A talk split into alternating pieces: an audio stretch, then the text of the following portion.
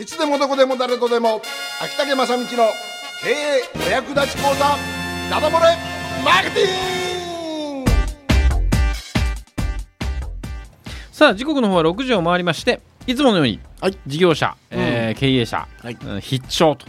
いうことでね。秋竹正道のダダ漏れマーケティングでございます。はい、うん。えーこの、えー、13回シリーズはコピーライティンうん。グということをやっておりまして、えー先週抜けたんだよね。そうですそうです。はい。先週私先週はあのした。ギリギリまでお仕事でございましたんで、えーその前が商品の USP を考えましょうっていうことで終わってたと思うんですが、会社の USP だったっけ？どっちだったっけ？えっ、と会社。会社の USP だったっけ、さあ会社の USP を考えましょうってことで終わってたんですが今日はですね、ええ。まあ、もちろん商品の USP、うん。会社の USP というのは、えーいろんなお店がある中で、うん。いろんな会社がある中でなぜうちを選んでくれるのかというえーこのミラクルクエスチョンをした時に出てくる答え、えーこれが、えー会社のその独自の売りですね、うんうん。いやお宅の会社はこここうだからと言ってくれるその言葉が、えー独自の売りで USB になります。はい。で商品の USB と言いますのはその会社の USB と別物でその商品そのものですね。うんうん。そのもの、えーこの商品そのものの USB はまた、えー次回に考えたいと思いまして、うん。今日はちょっと、えーコピーライティングのですね書き出しの部分のところのお話をしておきたいと思います。はい。で大体あのコピーというのはヘッえーキャッチコピー皆さんがもうコピー書きなさいって言ったらもうキャッチコピーのことだろうと思うようなキレのいいですね、あのヘッドラインっていうやつですね、うん。キャッチコピーヘッドラインヘッドコピー。ねそういうものがあります。それを書いてその次に来る文がこれボディーコピー、はいはい。ね、長文のやつであったり、うん。まあそんなに長くなくてもね、うん。えーボディーコピーです。その一番もう重要なお話の部分ですな。そうですね、うん。えでここなんですがこのボディコピーの書き方には実は一つの法則がございます、というのが、えーこのコピーライティングセミナーのですね中心部分になりますが、えーこの番組では何度かお話したこともあるんですけれども、えーこの部分の展開の仕方は、えーまず問題点を定義しましょう。と、うん。お客様にとって困っていることあるいは悩み事をそれを、えーズバッとついてみましょうとでそして、えーそれをもっとこう現実に感じれるように、うん。もっと想像イメージできるようにあぶり立てましょうと。アジテーション、えーこんなことお困りじゃないですか？実はこうこうこうこうこんなことが私もあるんですよ、えー先日こういうことを見かけましたよ。みたいな感じで、えーイメージしやすいようにします、うん。でここで共感を作るんですね、えーお客様読み手との共感ともに感じる。うん。共感を作ります。あこの文章私のことを言ってるんじゃないだろうかってことです、えーそういうことを作りましてそこに、えーその問題点とそれからアジテーションあぶり立てが来ましてその次に解決策、えーそういう方に実はこういう商品がございます。というような提示をしてあげるわけですけども。じゃあその最初の部分の問題点の定義うん。ここをどのようにやればいいのかというお話を、えー今日はしたいと思います。でこれはですね私は神田正則さんのコピーライティングの、えーメソッドに沿ってお話をさせてもらってますが実は、えーこのコピーライティングのメソッドの中に5つの質問っていうのがありまして、ん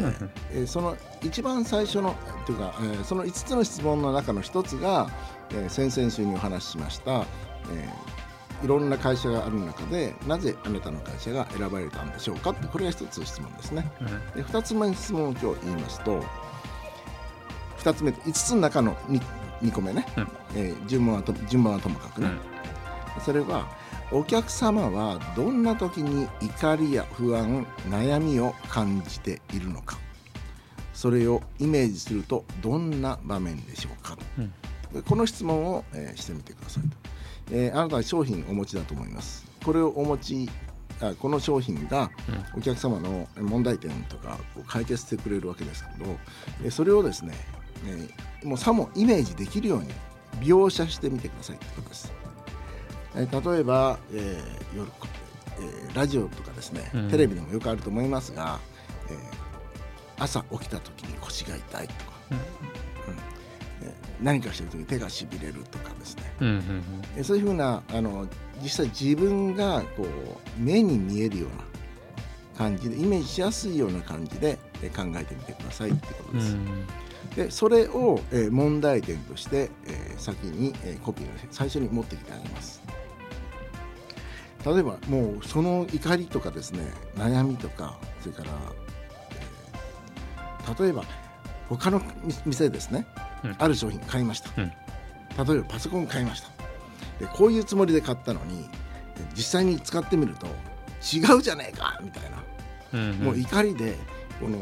お店にこう持って行って返品こんなのみたいな、えーそういうことってありませんかっていう感じなんですけど。でそういうふうにこうなんか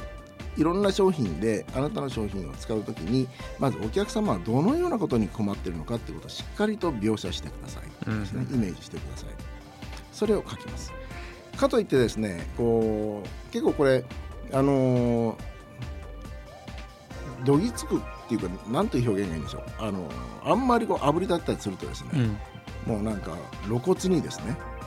やれこうじゃないですかああじゃないですかあんたこんなことありませんかみたいな感じだともう読み手も嫌になりますんで脅されてるようになりますんで、うん。うん、あの脅すっていうのは非常にお客様が反応するわけですけどあんまり脅されるとですねやっぱりそれはある意味こう不不幸になっちゃうっていうか、うん。気持ちが暗くなりますんでね。そうそうそうそうそう。受け方としてはね、うん。ええええ。だからあ煽りまくるっていうのもどうかっていう感じですんで、えー特にこの地元でご商売される方はその辺は爽やかに、うん。爽やかにですね、えー作られるといいと思うんですけど例えば干物の場合だったらどういうふうな感じがあるかと言いますと、えーあんまりどぎつくないですよ、えーそんな程度でいいのっていうものだと思いますが、えー新鮮なお魚が食べたい。美味しい干物が食べたい。えこういうですね。こういう軽いこの欲求ですね、うんえー問題点とか今日のご飯何にしようかなとかそんな世界の中のあ美味しい干物があし新鮮な魚が食べたいよね美味しい干物が食べたいよねえこの程度でいいんです。うん。そして次にですね、えーアジテーションの場面に来ますけども、えー炙り立て。要するにその問題点が自分のものだと感じられるような文章を続けるんですが、えーそこにですね、えー新鮮な魚が食べたい美味しい干物が食べたい。最近は相談できる鮮魚店も少なくなって魚選びも大変ですよねっていうようなのを続けてあげます。んまあ、スーパーとかですね今あのースーパーとか行っても3枚お売りしますとかご相談くださいとか書いてはいるんですけどもやっぱこう、えーちっちゃい鮮魚店でその威勢のいいおいちゃんというかそのあーこれは職人だっていうようなおいちゃんを感じさせるようなお店っていうのはなかなか減ってきてしまってうん世の中あんまりないですよね。まあ、よく言われる相談しやすい、えーお店っていうのが、えーなかなかなくなってきた。で、うん。そういうところをついてあげます。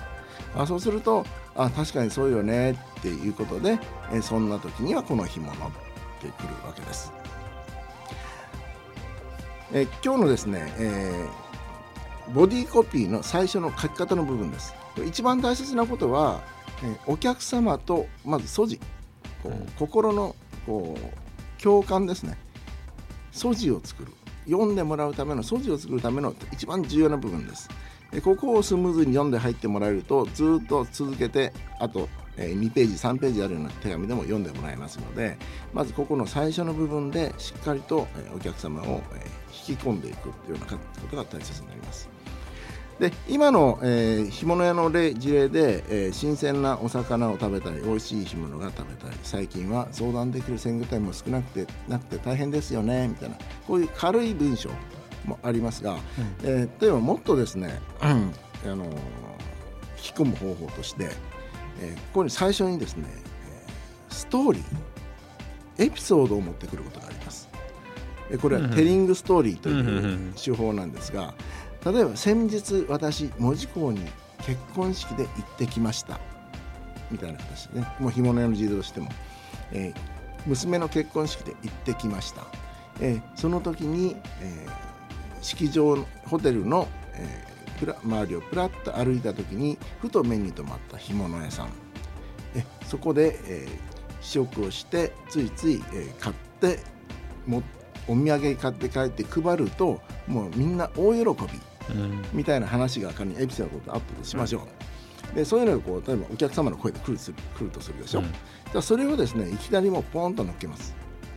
例えば先日お手紙をいただきました、ええー門司港で結婚式に来られた、うん。えー親御さんでで結婚式の後、えープラッとこう、えー